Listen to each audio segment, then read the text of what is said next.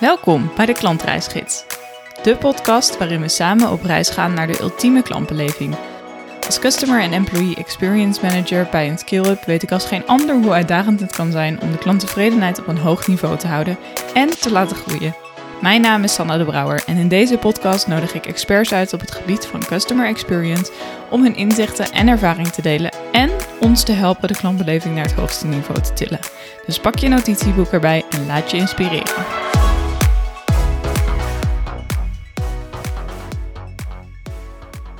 Welkom, Niels. Ja, bij dankjewel. Deze podcast. Wat leuk dat je de uitnodiging accepteerde en hier bij mij zit. Ja, heel leuk. Dankjewel Ja. dat ik eh, mag komen. Ja, graag gedaan. Ehm, ik begin altijd met de vraag: eh, wie ben jij en waar is jouw klantreis eigenlijk gestart? Ja. Nou, mijn naam is Niels Korsten. Ehm, ja, professioneel gezien, ik werk bij eh, eh, Deloitte Digital. eh, waar ik vanuit Deloitte eigenlijk andere bedrijven help om enerzijds hun diensten te ontwerpen. En anderzijds ook de organisatie zelf in staat te stellen om zelf daar goed in te worden. Dus ook eigenlijk om zelf klant, klantgericht of klantgedreven te worden. Ja, tof. Eh, en waar is mijn klantreis begonnen? Ja, dat is denk ik ehm, tijdens mijn studie geweest. Eh, Ik heb eh, in Delft gestudeerd, waar ik Industrial Design Engineering heb gestudeerd. Is ook echt een vrij technische kant van ontwerpen. Ja, Ehm, ook best wel productgericht, ehm, zoals een technische studie denk ik betreft. En ja, daar tijdens mijn masters eh, opleiding vooral eigenlijk een soort van introductie gehad in service design. Hè, dus eigenlijk design toepassen op dienstverlening. Ja. En daar voor het eerst te horen gekregen wat een klantreis was. ja, Eh, en toen ook mijn eerste project gedaan. eh, toen nog voor, eh, voor Schiphol. Met het ontwerp van een klantreis enzovoort. En toen dacht ik, ja, dat is eigenlijk wel best wel heel vet. ja. En sindsdien ben ik nou, een beetje weggedreven van echte productontwikkeling, zeg maar. Echt fysieke dingen. En Ja. veel meer eh nou, domein van dienstverlening ingegaan. ja. Oké, Oké. Zodoende. leuk. Ja, dus je bent echt van de productontwerpkant wat meer naar de digitale ontwerpen eigenlijk gegaan. Dus echt van materiaal naar Ja, klantreizen. Eh, ja, dus het is echt inderdaad van eh, fysieke producten waar je zeg maar eh, gewoon dingen moet spuitgieten van plastic en Ja. doorbuigingen moet berekenen, weet ik wat allemaal. Helemaal inderdaad naar nou ja, dienstverlening, maar dan wel echt in de brede zin van het woord. Hè? Dus dat kan Mhm. digitaal zijn, maar dat kan eigenlijk over alle kanalen heen zijn. Hè? Dus het kan ook telefoon zijn, het kan brieven zijn, Ja. fysieke locaties. Ja. Ja. dat kan elke vorm, eh, Ja. vorm krijgen die je wilt, zou ik bijna zeggen. Leuk. En voor de luisteraar en voor mij ook, want ik ken het hele concept eigenlijk helemaal nog niet. Eh, service design, wat is dat nou? Ehm, ja, service design eh, is denk ik een, ehm, ja, een vakgebied wat is ontstaan, wat ik al zei, vanuit echt het, de, de ontwerpdiscipline. Ehm, ja, dus voor mij is service design ook gewoon vrij letterlijk de vertaling. hè. Het, het, het toepassen van ontwerpen in het domein van dienstverlening. Ja, Eh, en dan dus niet alleen maar service als in klantenservice, maar echt de, de brede blik op dienstverlening. ja, Ehm, ja, en eh, ik denk ook afgelopen jaren is eh, überhaupt het vakgebied van, van klantbeleving, eh, dienstverlening, eh, klantgericht, eh, klantgerichtheid en dergelijke.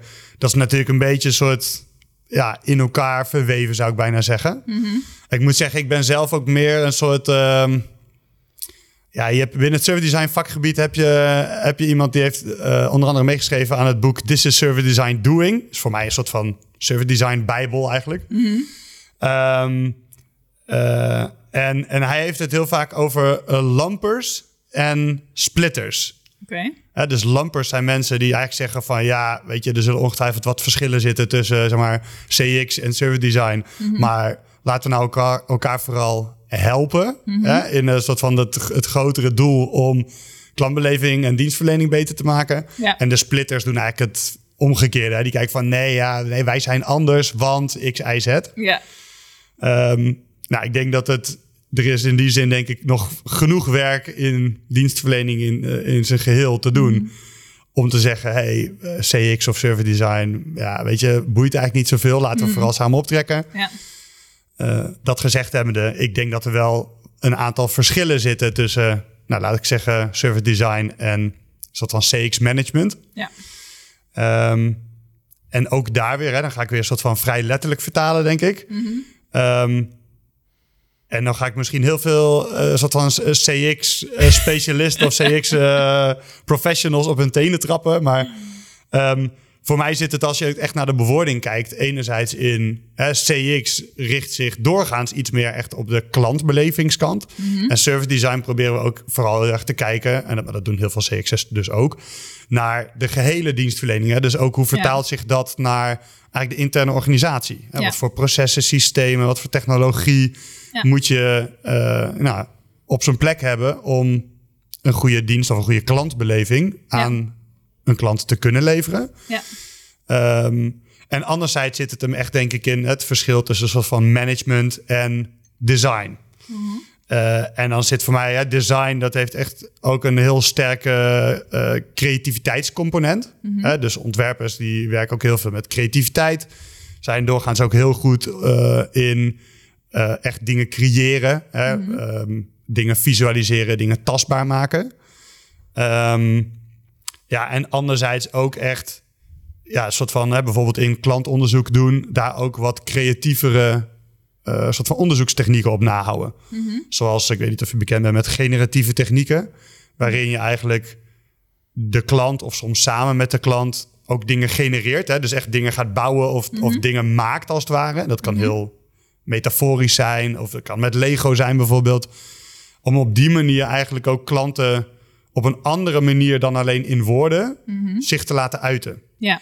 En op die manier, hè, stel iemand die bouwt iets van Lego, dan kun je daar ook een metaforisch bepaalde soort van gedachte of waarde aan hangen. Mhm. Um, nou, en dan kun je die vertaling ook weer maken van hè, waarom heb je dit gebouwd? Waarom ziet het eruit zoals het eruit ziet? En dan Ja. kunnen mensen zich wel misschien wel op een andere manier uitdrukken dan als je dat alleen doet met interviews bijvoorbeeld. Ja, precies. Ja. Dus dat is denk ik ook een manier uh, waarop we dat anders doen. Ja. Ik denk een derde, wat echt het verschil tussen design en meer de managementkant, is dat ook hè, designers die gebruiken dus ook heel erg, denk ik, de uh, echt het, het prototyping, echt dus echt dingen maken, echt het creërende aspect ervan, als uh, de manier om soort van hun ding gedaan te krijgen, zou ik bijna zeggen. En managers die gebruiken, of CX managers, als ik dat even zo mag noemen, die gebruiken denk ik meer ja, een soort van de, de taal en de handvatten van management. Hè? Dus dan heb je het over het beïnvloeden van uh, decision making of besluiten, um, hè, bepaalde invloed uitoefenen op, um, uh, ja, hoe zeg je dat? Uh, meetings die er zijn. Ja. Um, ja, dan, ja, daar denk ik dan vooral een beetje aan als Ja. ik aan management denk. Dus die Ja. gebruiken denk ik ook een soort van andere handvaten of andere materialen om soort van hun wereld omheen te bouwen. ja. Ik weet niet of dat... eh, Maar kan een, eh, een, een CX manager dan ook een service design expert zijn? Of gaan, gaat het gewoon hand in hand en moeten die samen de organisatie eh, verder helpen?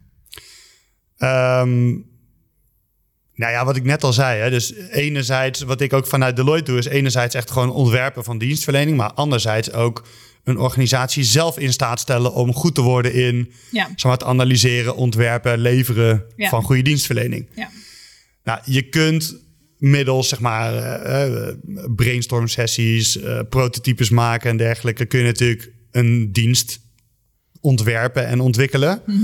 Maar als je dan vervolgens ook in de organisatie structureel niks verandert, dan zou ik bijna zeggen, dan kun je een, een jaar later of twee jaar later Ja. opnieuw beginnen. Hè? Dus Ja. je moet ook wel in de organisatie zelf iets teweeg brengen ja, om ervoor te zorgen dat dat ook goed landt, dat dat ook een duurzame plek krijgt. ja, Ja, en dan kom je toch wel, denk ik, snel in het domein van gewoon meer bedrijfsvoering en managementachtige ja. interventie, zeg maar. Ja, precies. Ja. Ja. Dus wat ik jou hoor zeggen aan service design is het belangrijk dat je niet alleen bijvoorbeeld een klantreis meeneemt van een klein stukje binnen de klantenservice, maar dat je kijkt naar de volledige dienstverlening. Hoe gaat dat nou door de hele organisatie heen? Want de klant zit niet alleen bij de klantenservice natuurlijk. Ja, En eh, als tweede het stukje creativiteit. Dat je dat met service design echt op gang kan brengen. En dat je dat meeneemt in je processen en, en in je interviews dus met klanten.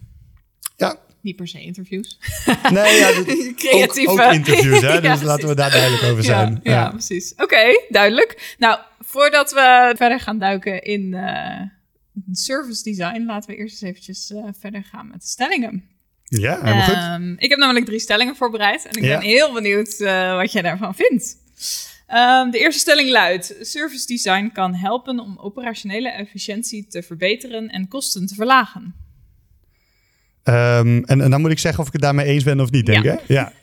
Ehm, ja, hier ben ik het zonder meer mee eens. Mhm. Ehm, ja, ik geloof er echt in dat als je een blije klant hebt die, die je zeg maar prettige en duidelijke dienstverlening of een, of een goede klantbeleving kunt leveren.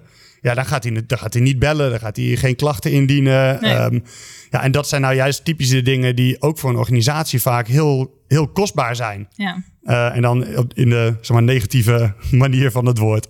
Dus dat is gewoon heel duur ook. ja. Dus ik denk dat ja, die twee dingen, een goede klantbeleving leveren en daarmee ook gewoon operationeel gezien kosten kunnen reduceren. Ja, die twee dingen die gaan, die gaan wat mij betreft juist hand in hand. Ja, ja. En natuurlijk niet alleen voor de, voor de klant zelf, maar ook voor de medewerkers is het prettiger om in te werken. En op die manier efficiënter hun werk te kunnen doen. En daardoor verlaag je natuurlijk ook weer de kosten. Ja, en ik denk ook op die manier kun je natuurlijk ook, eh, je kunt ook verbeteringen doorvoeren in de werkprocessen van je eigen medewerkers. Ja, Om eigenlijk hun weer in staat te stellen om een klant beter te bedienen. Hè? Dus dan Ja. heb je een soort van indirect kun je waarde creëren Ja, eh, voor je klant. ja.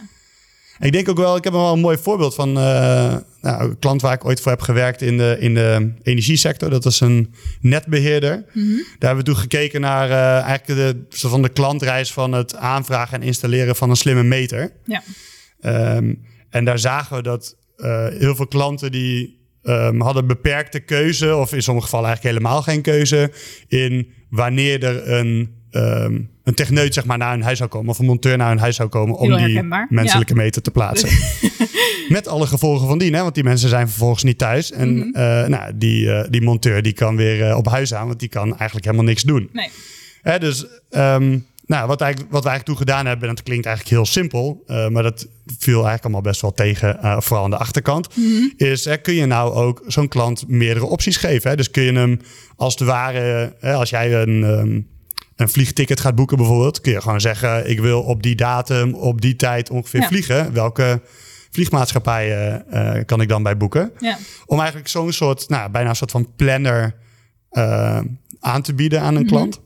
En dan te kijken en diegene zelf te laten kiezen van... hey, ik wil graag eh, op die of die datum om die om die tijd. ja. En als mensen daar ook zelf voor kiezen... dan hebben ze ook hè, vanuit een soort van behavioral science perspectief...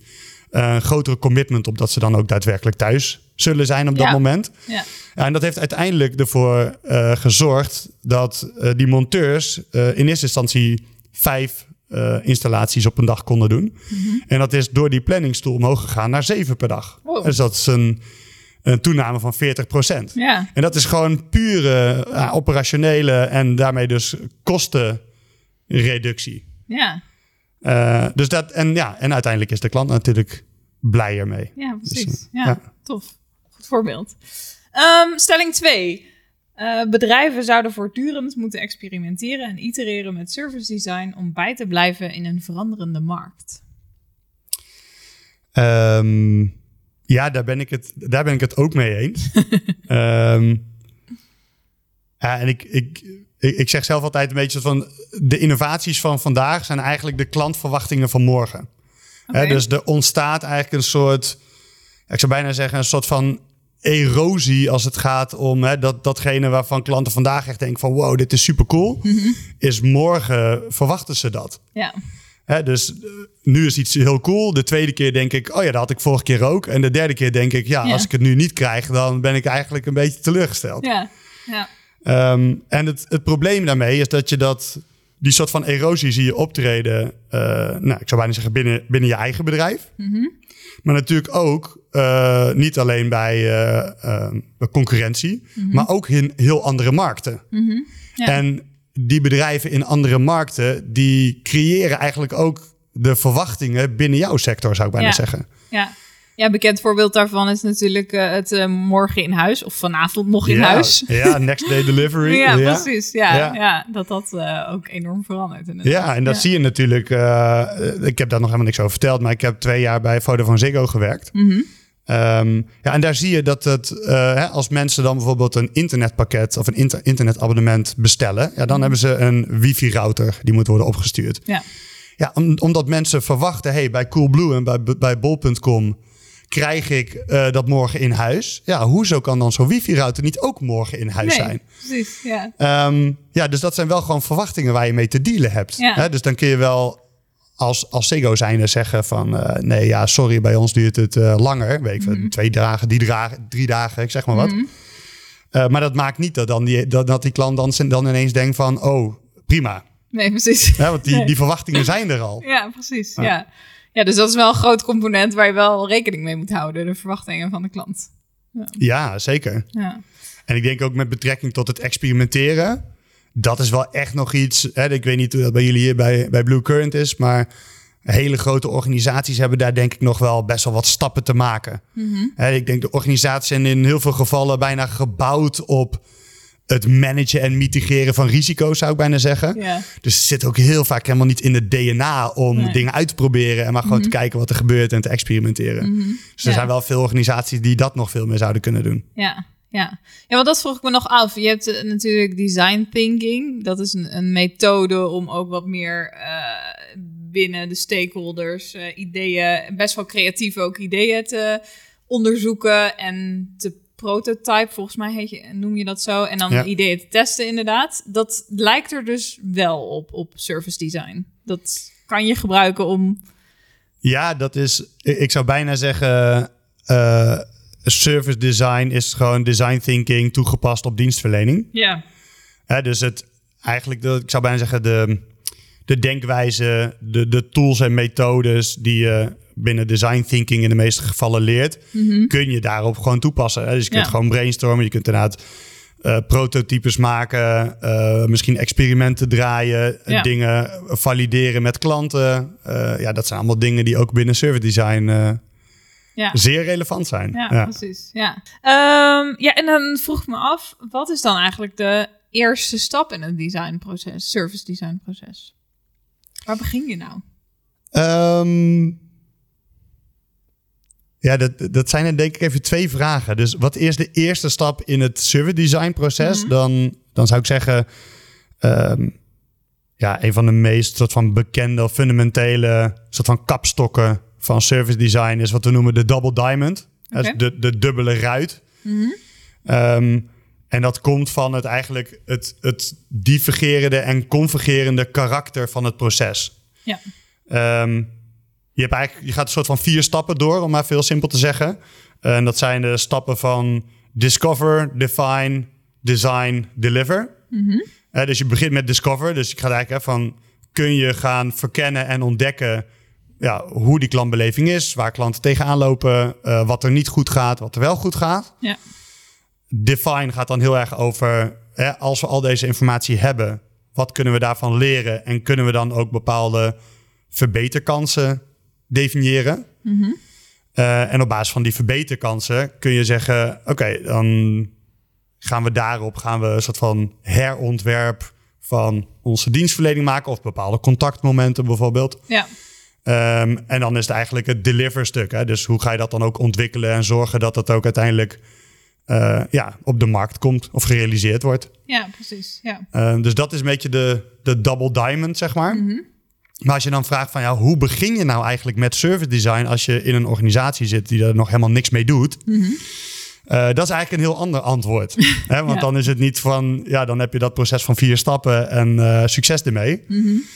Ehm, maar dan heb je het eigenlijk veel meer over ja, hoe breng ik het concept van service design, of misschien ook wel het concept van klantbeleving of klantgerichtheid, Ja. hoe breng je dat nou een organisatie in?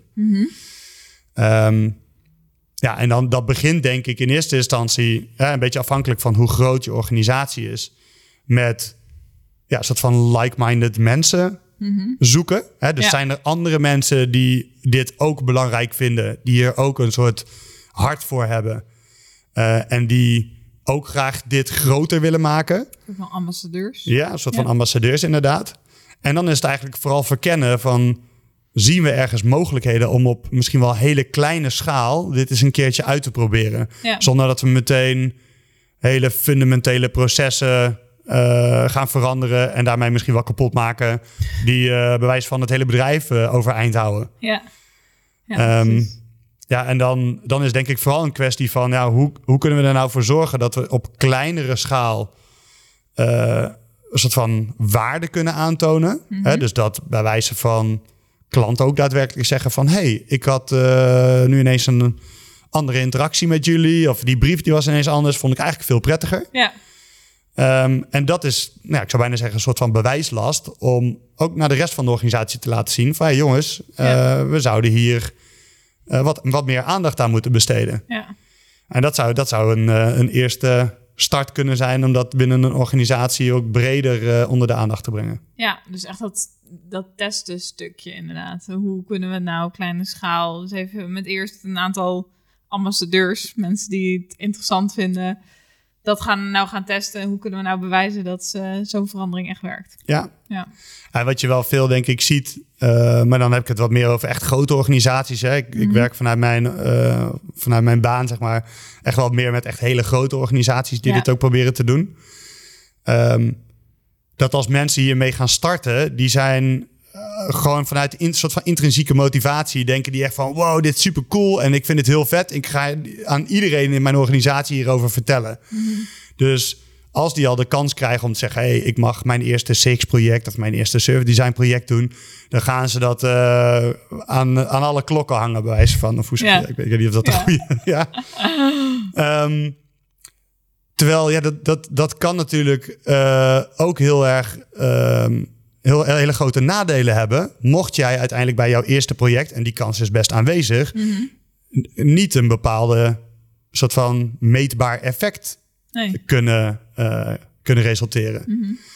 uh, dus wat ik ook wel heel vaak ook organisaties vertel, is van probeer een soort van um, ja, Trojaans, uh, Trojaans paardproject te starten. Mm -hmm waarin je, ik zou bijna zeggen, het soort van camoufleert als uh, ja, we gaan gewoon uh, wat processen optimaliseren of we gaan, uh, weet ik veel, misschien wel kosten reduceren. Ja. frame het op een manier dat iedereen denkt van, oh ja, supergoed, moet je vooral doen, ja. maar ik hoef er niks mee te maken te hebben, bewijs van. Ja. en dat je eigenlijk bijna een soort van onder de radar gewoon je project uitvoert op mm -hmm. een nou, wat andere wijze dan dat je normaal gesproken een project uitvoert. Mm -hmm. um, en dan zodra je wel echt de het bewijs hebt om ja, andere mensen daarvan te overtuigen dat het die manier goed is, ja. dan kun je natuurlijk het wat breder out in die open brengen. Mm -hmm. Ja. Um, maar dat, dat is, het voelt heel erg, uh, ja, ik zou bijna zeggen counterintuitive om dat ja. te doen. Omdat je, je hebt zelfs zoiets van, wow, dit is super cool en ja. iedereen moet, zou dit moeten willen. Ja, precies. Ja. Ja. ja. ja. En hoe zorg je nou dat de juiste stakeholders erbij betrokken zijn dan? Um, ja, dat, dat, dat blijft een lastige, denk ik. Want dat, dat verlangt natuurlijk wel dat mensen er ook uh, de waarde van inzien. Hè? Dat, mm -hmm. ze, dat ze erbij betrokken zouden moeten zijn.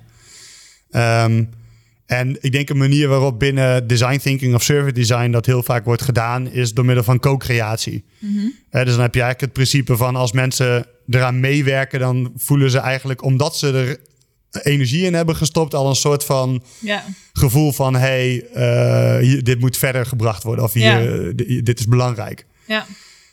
Um, en dat is denk ik een soort van ja, een, een mooie, mooie manier om er dan ook ervoor te zorgen dat je dingen geïmplementeerd krijgt. Want ja.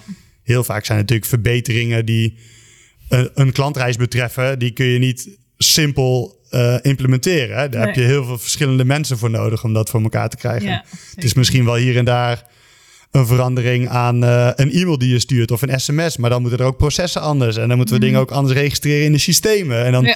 het is gewoon één grote ja, netwerk aan uh, processen, systemen, contactmomenten enzovoort. ja, precies. Ja. Dus het is heel lastig om maar één klein dingetje te veranderen. Ja. Daarvoor heb je wel iedereen, uh, iedereen nodig. ja, precies. Ja. Interessant. Ja, je moet inderdaad gewoon echt die ambassadeurs hebben. En die mensen om je heen waarvan je zoiets hebt van... hé, hey, die gaan daarin mee. En, uh, maar je moet aan de andere kant natuurlijk ook klanten hebben... die niet zo heel erg blij zijn misschien met je service. Dus die moeten natuurlijk ook op een manier wel meedenken daarover. Ehm, ja, een, een, een andere manier om, ah, ik zou bijna zeggen, het belang van een goede klantbeleving of goede dienstverlening ook Mhm. transparant te maken, is eh, zo'n voorbeeld van een, een Ierse service designer, of een, Mhm. sorry, een Australische service designer volgens mij, dat weet ik niet meer. Eh, Gary Scullion, Jerry Scullion heet hij. Eh, hij heeft trouwens ook zijn eigen podcast. Heel leuk Oh. om te luisteren. Ehm, maar die heeft ooit bij een van zijn klanten een, een zogenaamde wall of pain gemaakt. Mhm. Ehm, waarop hij gewoon een hele grote muur had gemaakt. Waar hij alle soort van pijnpunten die, eh, hè, waar mensen over klagen, waar mensen vragen over stelden via de klantservice, maar ook hè, vanuit interviews en dergelijke naar boven waren gekomen. Die had hij allemaal op één grote muur geplakt. Mhm. Nou, je kunt je al voorstellen als dat er heel veel zijn, hoe soort van dat dat echt wel binnen kan komen. Ja. Maar vervolgens ging hij dus ook kijken van, eh, nou even heel simpel gezegd, ehm, als mensen bijvoorbeeld heel lang moeten wachten op, eh, nou laten we zeggen, plaatsing van een laadpaal, hè? ik zeg maar wat. Ja. Eh, dan gaan ze daar misschien ook wel over bellen. Hè? Van hoe lang gaat het nog duren? Wat is de status? Nou, enzovoort. Elk van die belletjes, daar kun je gewoon, ik zou bijna zeggen, hele harde euro's aan hangen. Ja. Van zo'n belletje kost, eh, wat is het, 6, 7, 12 euro. Verschilt een beetje per organisatie. Ehm, dus als zoveel mensen bellen om zo'n soort vraag te stellen, omdat ze dat pijnpunt ervaren, Ja. dan betekent dat ook gewoon heel concreet zoveel kosten. Ja. Ja, en als dat echt in grote organisaties gaat om eh, tienduizenden belletjes eh, per jaar, Ja. Ja, dan heb je heel snel, ik zou bijna zeggen, je business case transparant. Zonder dat je ook nog maar iets verbeterd hebt. Hè? Mhm. ja, Dus precies. Ja. dat is eigenlijk een heel andere Bizar. manier om een soort van handjes op elkaar te krijgen. Nou, Eh, dat dus niet alleen ja. zeggen van we gaan het een keertje doen en dan iedereen laat zien van wauw, moet je eens kijken, het heeft echt effect. Mhm. Dit is gewoon de pijn keihard blootleggen. Ja, precies. Ja. Ja, nog- nog, misschien nog even terugkomend op dat, op dat vorige wat je zei. Kijk, Mhm. een van de dingen die enorm helpt, en dat zie je in kleine organisaties, maar ook in grote organisaties, is dat je gewoon op directeurenniveau of C-level, zoals we dat dan chic noemen, Mhm. dat er gewoon echt een sponsor of ambassadeur op dat niveau zit, die Ja. ook ervoor zorgt dat eigenlijk top-down ook gewoon eh, ja, dit een relevant onderwerp wordt. ja, precies. Ja. Ehm, en het is heel vaak hebben we een beetje de discussie hè, van eh, wat is dan beter, top-down of bottom-up. Eh, het is een non-discussie. Het beste is allebei. Ja, precies. Ja, ja. Ik las in een boek van eh, je moet eigenlijk eh 80% bottom-up en 20% top-down. Want je hebt nog wel wat top-down nodig, maar er moet een soort van balans eh, ook zijn. Ja, ik denk dat als je, als je alleen maar één van de twee hebt, ja, dan ga je gewoon heel vaak tegen muren oplopen. ja.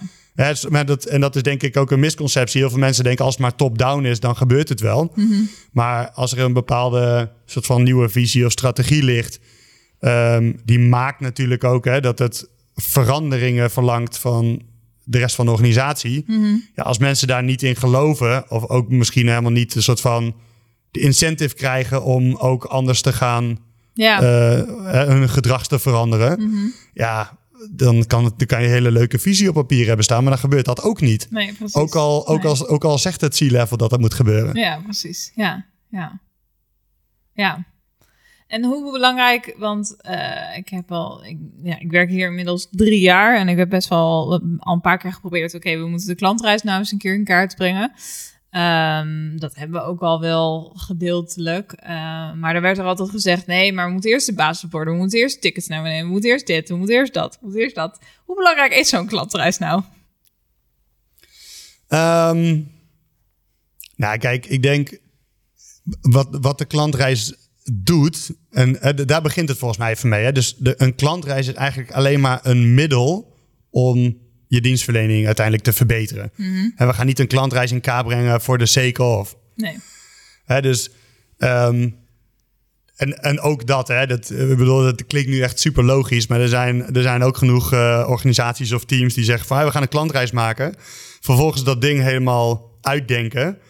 In sommige gevallen misschien nog wel een soort van ideaalsituatie ook schetsen. Hè, van of een, een, wat ze dan noemen, een to-be klantreis. Ja. Daar een hele mooie poster van maken, die poster ophangen. En dan denk ik van wauw, nu zijn we echt super klantgericht bezig geweest. Ja.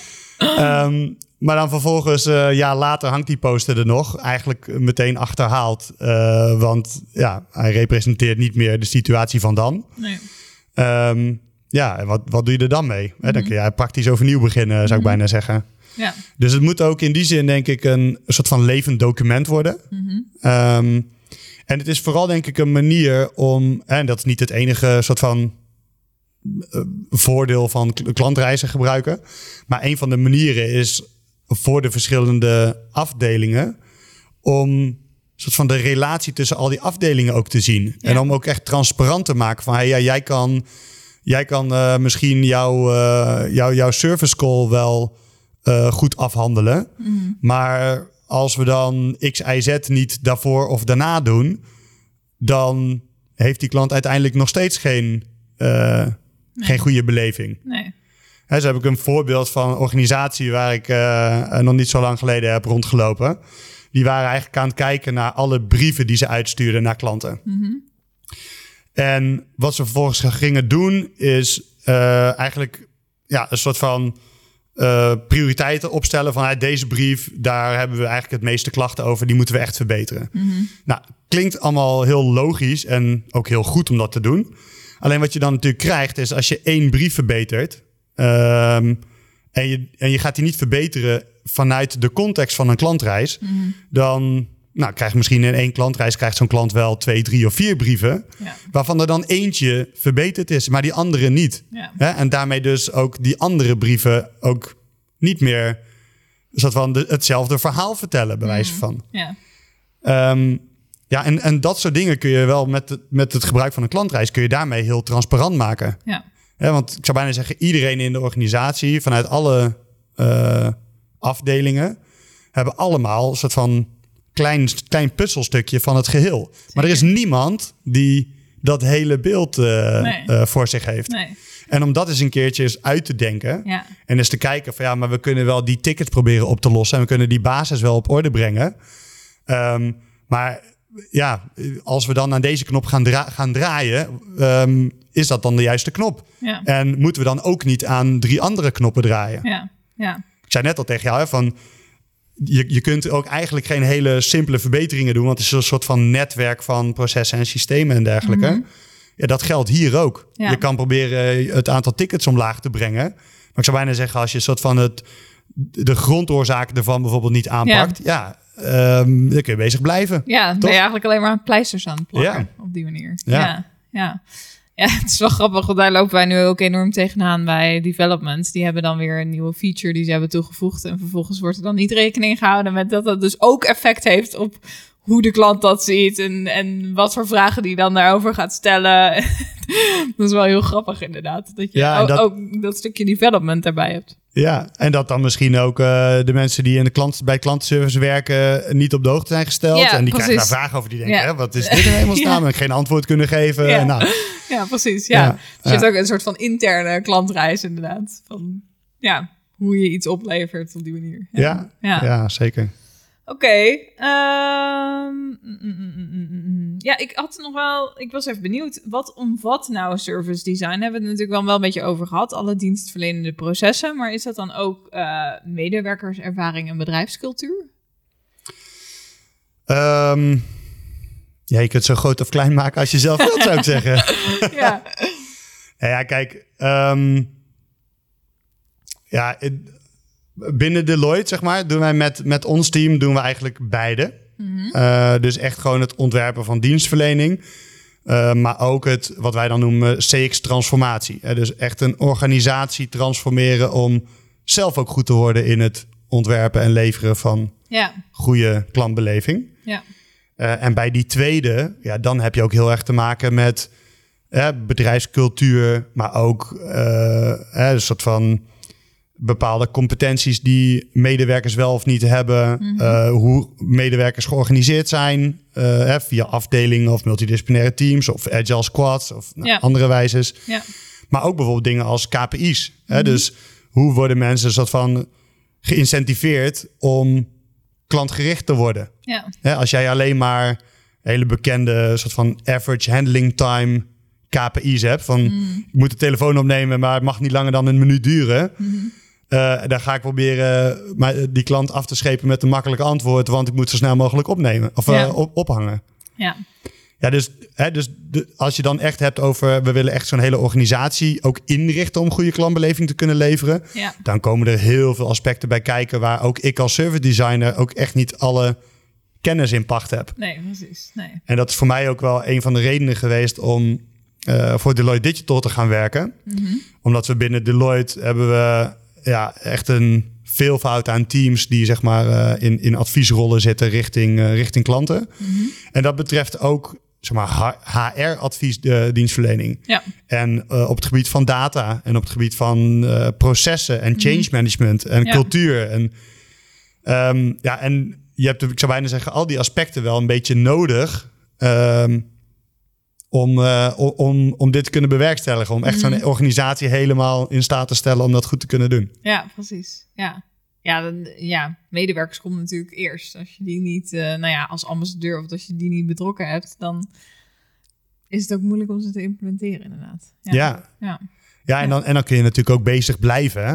Ja. Ehm, ik zou bijna zeggen, elke, elke meeting of elke beslissing die in een organisatie wordt gemaakt, heeft links of rechtsom wel weer impact op de klantbeleving.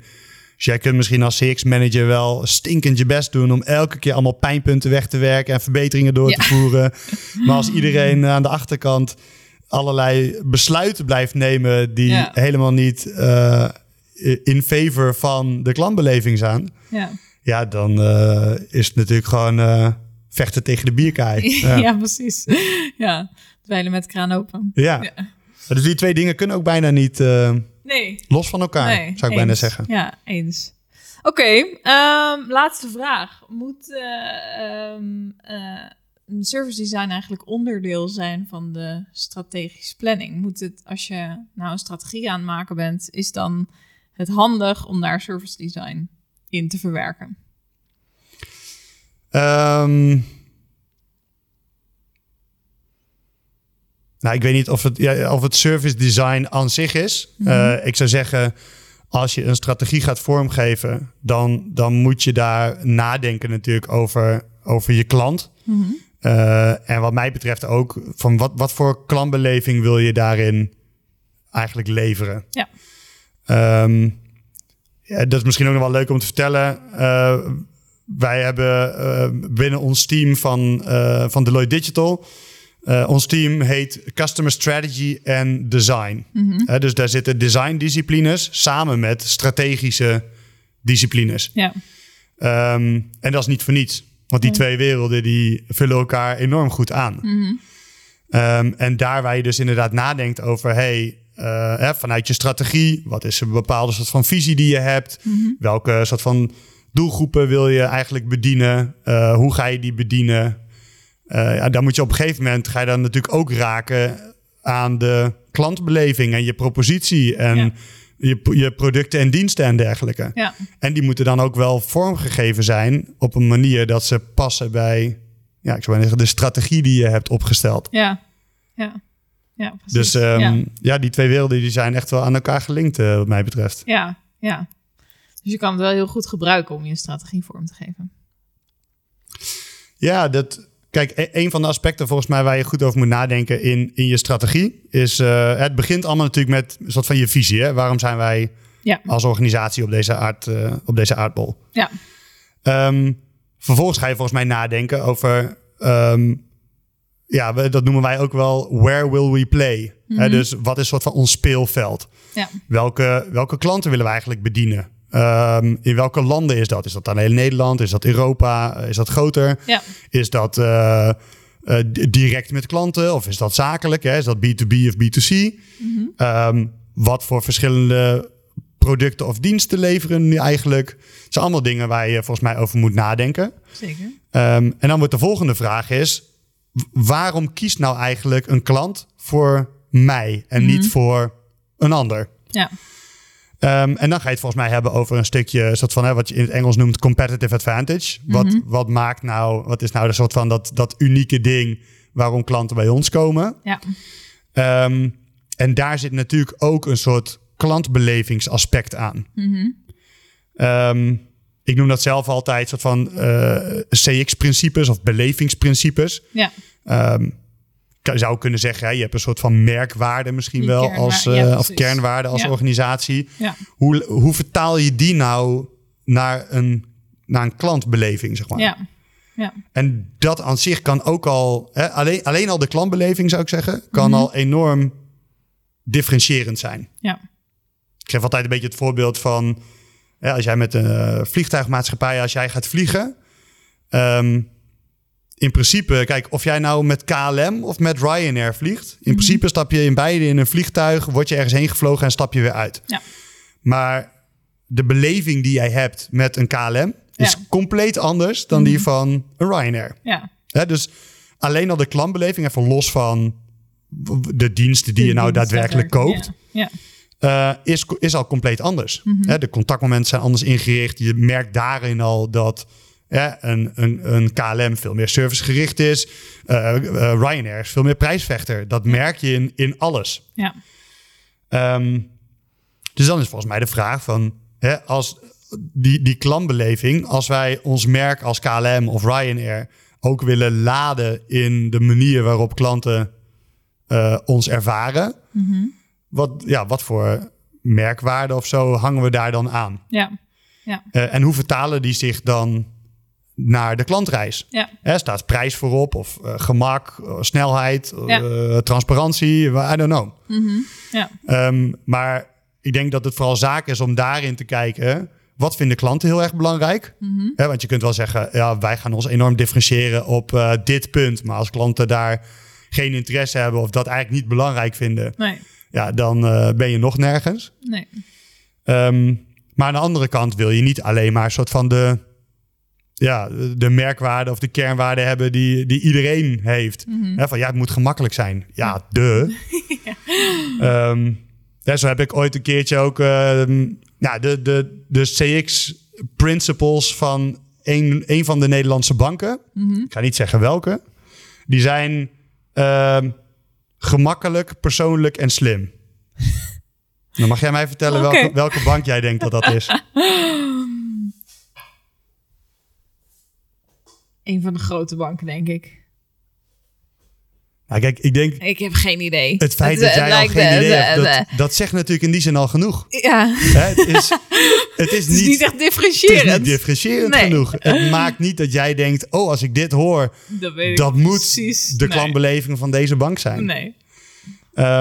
En dat is wel altijd een beetje een balans die je moet vinden. Hè? Van, ja, je kunt het heel generiek maken, eh, ja, want dan spreek je misschien wel iedereen aan. Mhm. Maar dat, ja, dat staat een beetje op spanning met ja, in hoeverre hebben we dan een differentiërend vermogen dan, in ieder geval op het vlak van klantbeleving. Ja.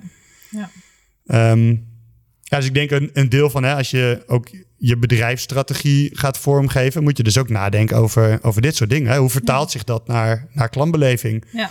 En dan als je vervolgens zegt van, hey, onze merkwaarden of kernwaarden of CX-principes zijn X, Y, Z. Ja. En dan is de volgende vraag natuurlijk, hoe vertaal ik dat dan enerzijds naar de werkvloer? Mhm. Hè, dus eh, stel het is eh, nou, eh, persoonlijk en slim. Hoe zorg ik dan ook dat als die klantservice medewerker de telefoon opneemt... eh, of iemand de chat bedient... of iemand, een van de eh, content marketeer een, eh, een, een brief schrijft, ja. of een bericht schrijft... Ja. dat dat ook die waarde ademt. Ja. Ja. En hoe is dat anders dan hoe ze het nu doen ook vooral? Ja, Hè, want ik bedoel, precies. als daar niks anders in is... dan hoef je ook geen strategie te schrijven, zou ik bijna zeggen. Nee, precies. ja.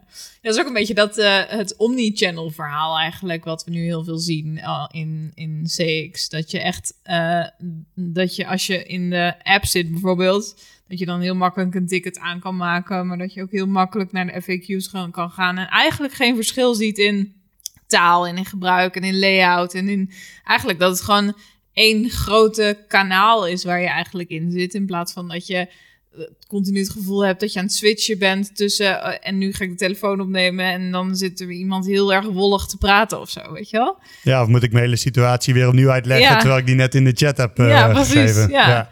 Ja, Ja, en dat is volgens mij ook...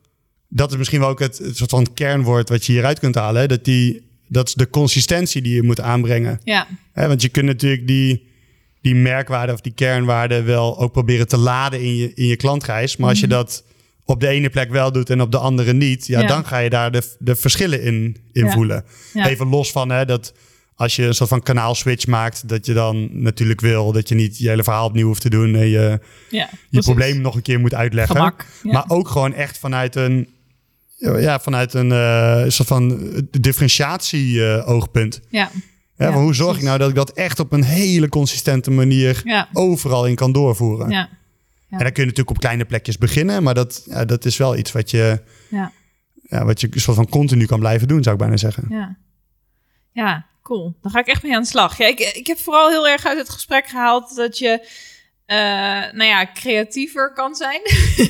Ja. Zeker in, alle, al- in het bedenken van alle ideeën. Dat je echt ambassadeurs nodig hebt om samen die, eh, nou ja, de klantbeleving te verbeteren. En het, de, de klantreis eigenlijk zodanig te implementeren dat, dat de klantbeleving beter wordt. Mhm. Maar ook eh, het stukje eh, waar service design ook voor staat, zorgt er nou voor dat al je processen gewoon in elkaar overvloeien. Dus inderdaad, wat je ook als laatste zegt, die continuïteit. Hoe zit dat nou helemaal in elkaar? Ja. Ik merk dat ik nu heel erg klantreizen aan het maken ben, alleen voor het stukje klantenservice. Maar daar zit nog veel meer aan vooraf en er gaat ook nog veel meer achteraf, zeg maar, gebeuren. Ik Dus denk is misschien als laatste toevoeging daarvoor. Kijk, zo'n klantreis maken Mhm. is natuurlijk een middel. Maar waar het je toe in staat stelt, is eigenlijk het, het flippen van de mindset. Ja. Hè, dus waar we nu heel erg denken van... hey, ik zit vanuit mijn marketing of mijn service afdeling... vanuit daar bedenk ik van... hey, ik heb deze processen en deze systemen die ik gebruik... Ja. en die dicteren eigenlijk uiteindelijk de klantbeleving. Mhm. Ehm, en dat doet iedereen voor zich. Hè? Dus daarmee krijg je ook een soort van verkokende of gefragmenteerde klantreis die Ja. je erop nahoudt. Ja. De klantreis optekenen is natuurlijk één, Mhm. maar ook echt de klantreis als vertrekpunt te gebruiken om dan eigenlijk andersom de processen en systemen te dicteren. Ja. Dan krijg je echt die, hè, wat we altijd zeggen, de seamless journey. Mhm. Ja. Eh, en dan haal je die gefragmenteerde perspectieven van elke afdeling, die Ja. haal je daaruit. Ja. En die flip van eh, hè, wat is er leidend en wat gebruiken we als vertrekpunt, Mhm. dat is denk ik fundamenteel aan het gebruik van klantreizen. Even los van dat je met post-its of met mooie visualisaties dat op de muur brengt. Ja, precies. Ja. Ja. Daar ga ik zeker mee aan de slag. Dankjewel Niels voor al je tips en verhalen en voorbeelden. Ja, dank voor de uitnodiging en het was eh, erg leuk om te mogen Ja, doen. Dankjewel. Wat tof dat je hebt geluisterd naar deze aflevering van de Klantreisgids. Wil je weten wat ik en andere luisteraars zoals jij hebben gedaan met de tips en inspiratie uit deze aflevering? Sluit je dan aan bij de Klantreisgidsgroep op LinkedIn. Dankjewel voor het luisteren en tot de volgende keer.